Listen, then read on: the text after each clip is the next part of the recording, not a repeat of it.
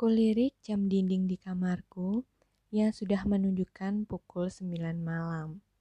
Terlalu awal untuk tidur jam segini, walau sekarang sebenarnya aku sudah sudah mengganti bajuku dengan piyama dan sedikit merasa lelah karena dari tadi aku dan Hyunhee terus mengerjai Yesun. Dert, dert. Ponsel yang kutaruh di meja belajarku terus bergetar. Kulirik caller ID dari ponsel kamselku yang berwarna putih. Okacan? Okacan, moshi-moshi. Moshi-moshi Chunsa, kau baik-baik saja di Seoul ke sana? Aku baik-baik saja. Kenapa tiba-tiba langsung bertanya seperti itu? Tadi pagi-pagi sekali ada yang mencarimu di Hiro, seorang lelaki. Lelaki? Namanya Shinwo. Dia bertanya, kau di mana sekarang? Kurasakan tanganku melunglai hingga aku menjatuhkan ponselku ke lantai. Kenapa dia harus datang lagi? Masa laluku. Chunsa. Aku lapar.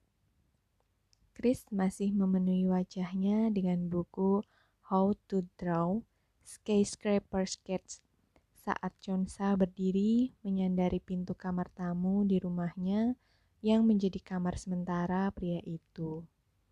Setelah Chunsa dengan sudah begitu cerobohnya melewatkan waktu bangun di minggu pagi hingga jam makan siang tiba keesokan harinya, sepertinya gadis itu terpaksa menyurutkan kegengsiannya untuk mendekati Chris terlebih dahulu, begitu mengetahui hanya ada motor Kawasaki putih milik Chris yang tersisa di garasi. Semalam, Chris menginap di rumah Chunsa karena ternyata Chris belum punya tempat tinggal tetap setelah tahun kemarin sempat bermain membela tim basket Cina. Meskipun Chris keturunan Cina dan sempat tinggal di California selama tiga tahun, tapi bahasa Koreanya fasih benar. Selain bahasa Mandarin, Korea, dan Inggris, Chris juga mengerti sedikit bahasa Perancis dan Jepang. Chonsa mengetahuinya ketika semalam mendengar Chris berbincang-bincang dengan letuk. Ternyata, istilah manusia yang diibaratkan sebagai kamus berjalan seperti itu memang benar-benar ada, pikir Chonsa. Chonsa menghela nafasnya. Letuk sepertinya telah pergi meninggalkan rumah besar itu. Ayah Chonsa sudah lama meninggal, dan ibu Chonsa yang memang keturunan Jepang sedang berada di Jepang untuk keperluan bisnisnya. Chonsa belum diperbolehkan ibunya dan Letuk untuk menyetir, apalagi punya mobil sendiri. Sedangkan untuk memesan taksi, butuh waktu 20 menit untuk sampai ke rumahnya di kawasan Pyeongchangdong dari Seoul. Ia sedang tak ingin makan masakan rumah yang dibuat pembantunya. Perutnya yang berontak kelaparan sudah tak bisa menunggu lagi lebih lama. Benar-benar tak ada pilihan lain yang lebih baik. Aku ingin makan madu, manduku Chris. Jonsa terus merajuk, memanggil-manggil manja nama Chris. Akhirnya, ia semakin beringsut terduduk di lantai, menyeret tubuhnya ke arah sisi kiri tempat tidur Chris.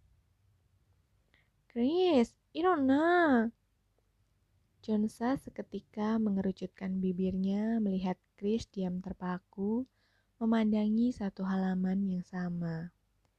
Chris tertidur.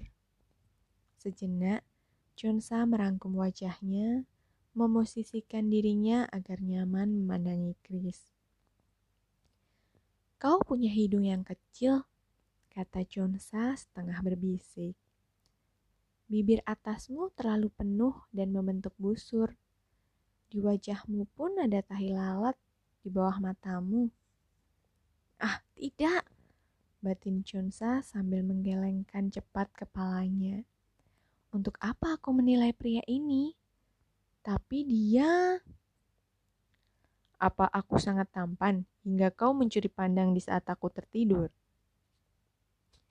Tanpa sadar, Chonsa mengangguk sekali sambil tersenyum sebelum akhirnya memekik. Ia begitu kaget hingga matanya terbelalak melihat Chris yang berbicara dan memalingkan wajah ke arahnya, tanpa senyuman seperti biasanya. Anya!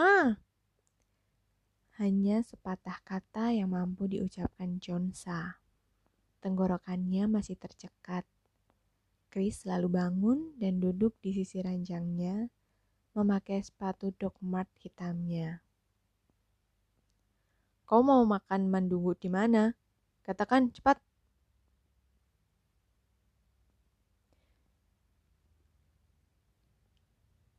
Katakanlah, kau tidak mendengar semuanya, kan?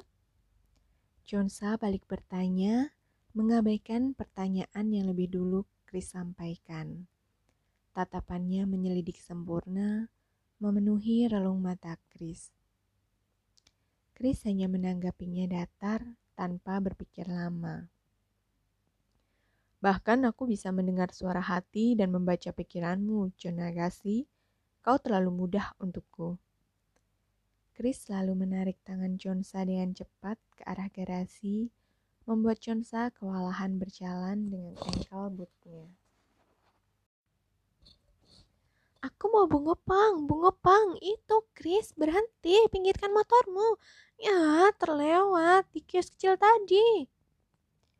Tapi kau sudah makan dua piring besar mandukuk, kau bisa sakit bodoh. Cepat putar balik, ayolah. Chonsa terus saja menarik-narik jaket kulit milik Chris sambil terus berteriak-teriak, memaksa Chris untuk akhirnya menyerah dan menuruti gadis itu untuk berhenti di depan kios pengepang. Dengan ceria, Chonsa langsung turun dan memesan beberapa potong. Merepotkan sekali pola wanita itu. Chris yang kesal lalu hampir membanting helm full helm full face yang dipakainya.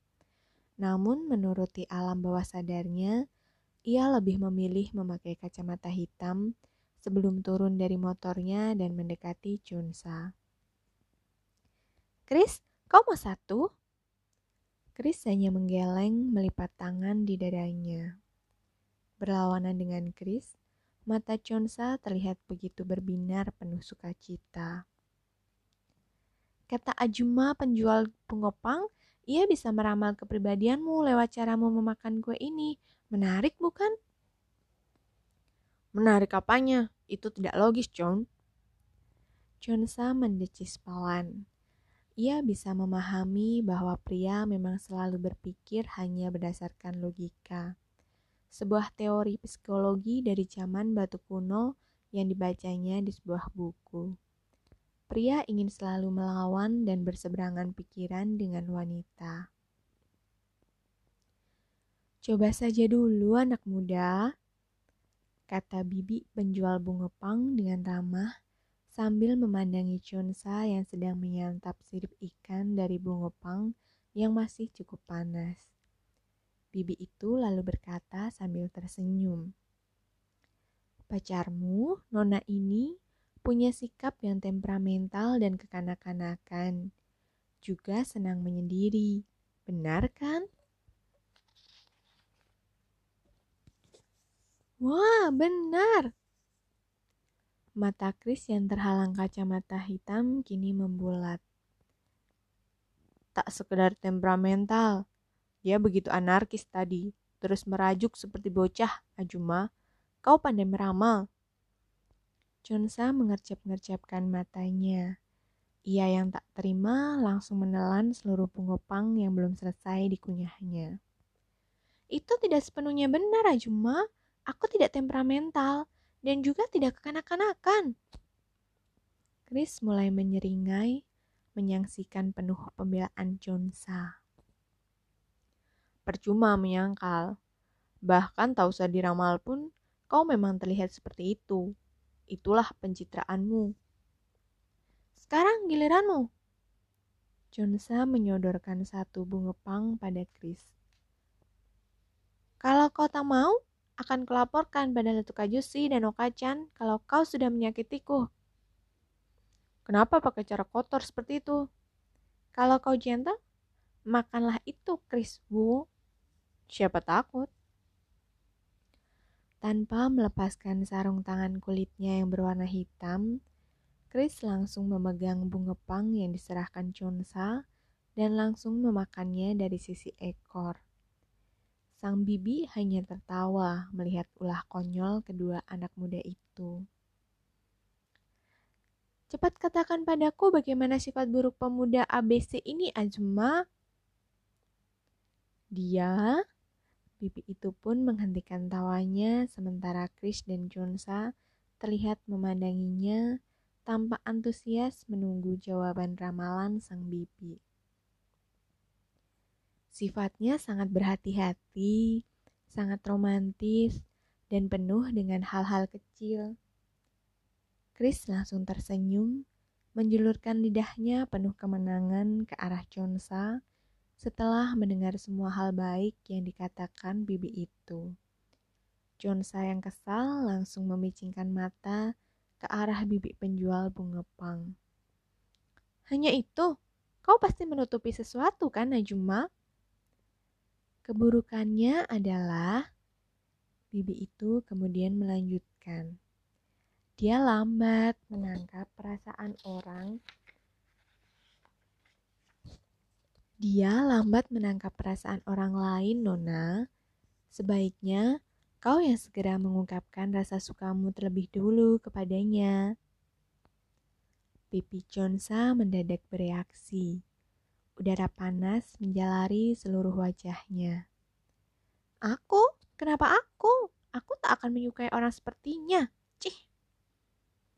Chonsa lalu pergi meninggalkan kios itu dan menuju motor Chris dengan langkah lebar-lebar. Ia tampak tidak senang. Chris lalu memberi Bibi itu uang 4000 won. Seperti kata Bibi, dia itu benar-benar temperamental dan kanak-kanakan. Cepat kejarlah pacarmu itu, saran Bibi penjual bunga pang dengan bijak Sebelum akhirnya Chris yang penuh senyum itu meninggalkan kios dan berlari ke arah Chonsa yang masih bersungut-sungut namun sudah memakai helmnya.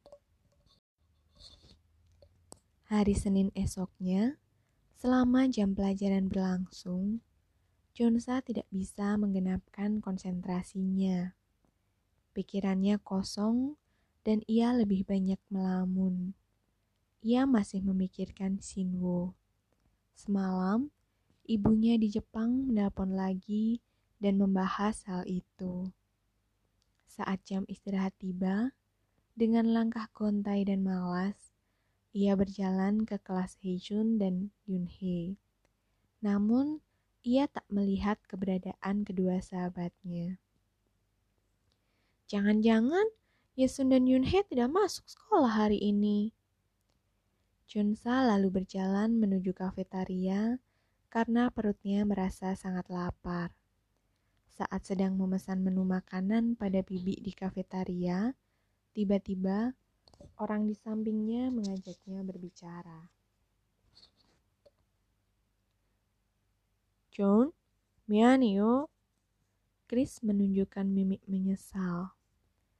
Kutraktir kau makan ya, Chris tersenyum dengan ada sedikit semburat takut karena Chonsa hanya membuat dirinya diam. Chonsa lalu melirik tajam wajah Chris serta plester yang menempel di pipinya sesaat kemudian. Ia masih kesal sejak peristiwa kemarin di kios pengopang.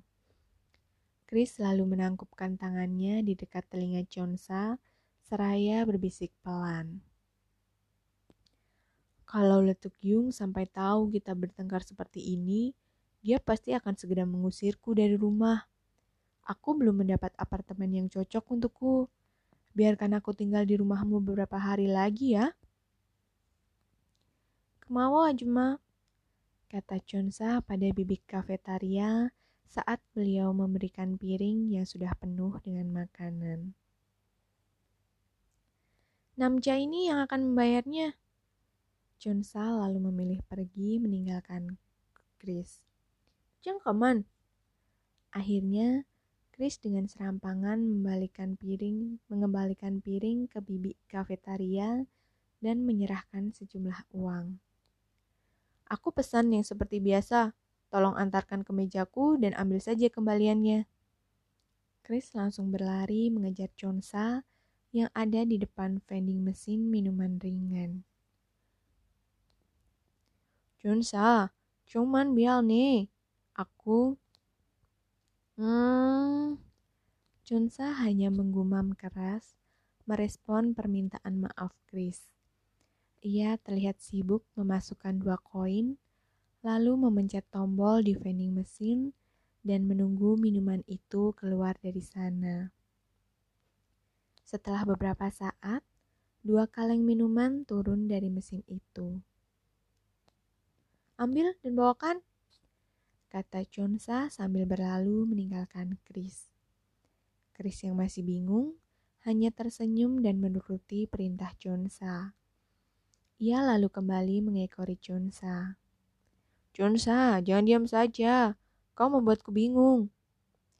Chonsa tetap saja diam sambil matanya mengelilingi seluruh ruangan kafetaria, berharap ada sebuah meja kosong. Tapi ternyata semua meja di ruangan itu sudah penuh. Kemudian matanya terpaku pada satu meja yang dihuni Yesun, Yunhee, Minyuk, dan Jungkyu, tak jauh dari tempatnya berdiri. Chonsa, panggil Yunhee yang menyadari keberadaan Chonsa. Kemari, ada dua kursi kosong di sini. Chonsa pun langsung mendekati meja mereka dan duduk. Sementara itu, Chris mengikutinya. Kukira kalian tidak masuk sekolah hari ini, ujar Chonsa. Mau bagaimana lagi? Kami sudah semalaman mengerjakan tugas. Masa kami tidak mengumpulkannya? Ya, Pak Minyuk, berhentilah mencolek daguku.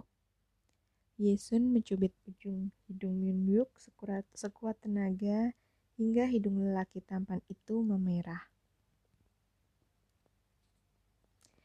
Yusuna, kau kasar sekali. Tapi aku tetap menyukaimu. You are so gorgeous. Minyuk mengusap-usap ujung hidungnya sambil berkedip-kedip kenit pada Yisun.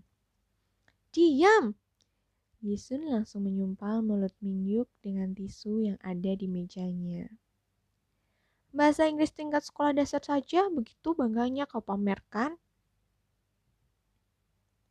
Ya, Kalian berdua yang berisik, aku sedang main game. Bentak Jungkyu sambil terus berkutat dengan PSP kesayangannya. Bahkan, kalau Jungkyu jadi ketua komite siswa di sekolahnya ini, ia terobsesi membuat program sebuah ruangan ekskul untuk para gamer. Game apa yang kau mainkan? Ajari aku. Yunhee melirik ke arah PSP Jungkyu. Namun, Jungkyu hanya diam dan terfokus pada PSP-nya. Jungkyu, ajari aku. Yunhee lalu mulai mengguncang-guncang bahu Jungkyu. Ya, ya, ya, ya. Aku kalah, guys. Choi Yunhee, kau membuatku kalah. Jelas Jungkyu tak suka diganggu. Jungkyu berteriak keras tepat di hadapan wajah Yunhee yang sedang duduk di sebelahnya. Yunhee yang menyadari betapa dekatnya wajah mereka berdua, langsung dia membeku dan matanya membulat. Perlahan, semburat merah muncul di pipi keduanya. Chris yang duduk di samping Jungkyu langsung menempelkan kaleng minuman dingin ke pipi Jungkyu. Wah, sebentar lagi minuman ini bisa mendidih. Bahkan operasi plastik tak akan mampu membuat secepat itu. Mata dan bibir jadi berbentuk hati. Junsa menggoda Yunhee yang langsung tersadar dari keadaan membekunya. Itu semua tanda love terbentuk di wajahmu, Yunhee ya. Yisun yang sedang tertawa tiba-tiba dirangkul Minyuk yang sedang tertawa juga. Yisun langsung mencubit keras tangan Minyuk yang ada di bahunya.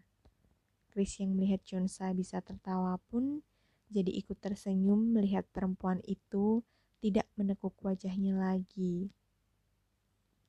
Begitu menyadari Chris memperhatikannya, Jonsa langsung berhenti tertawa.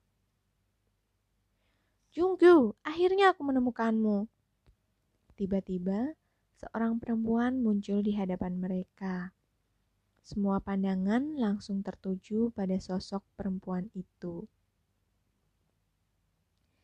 Kim Hyun Ha? Tanya Jonsa spontan mengenali perempuan yang jadi murid baru di kelasnya itu. Dia baru pindah hari ini. Anyong Chonsasi. Kim Yuna tersenyum dan melambaikan tangannya pada Chonsa. Sekarang giliran semua mata tertuju pada Chonsa. Hal itu membuat Chonsa sedikit kebingungan. Jungkyu yang bingung hanya menggaruk-garuk kepalanya. Kau mengenalku, tapi aku tidak mengenalmu.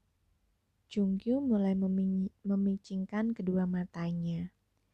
Ia benar-benar tak mengenali perempuan yang ada di depannya. Jungkyu, jangan bercanda. Aku mencarimu ke mana-mana setelah kau menghilang di tempat les biola. Setelah tahu kau di sini, aku langsung pindah sekolah. Ini semua demi dirimu. Oh, tempat les biola? Ais, sudah lupakan saja apa pun yang pernah terjadi. Jungkyu berdiri dari kursinya dan melangkah pergi keluar dari kafetaria. Jungkyu, tunggu aku! Kim Yunha langsung berlari mengejar Jungkyu, meninggalkan semuanya dengan tanda tanya besar yang tergambar di udara sekitar mereka berada.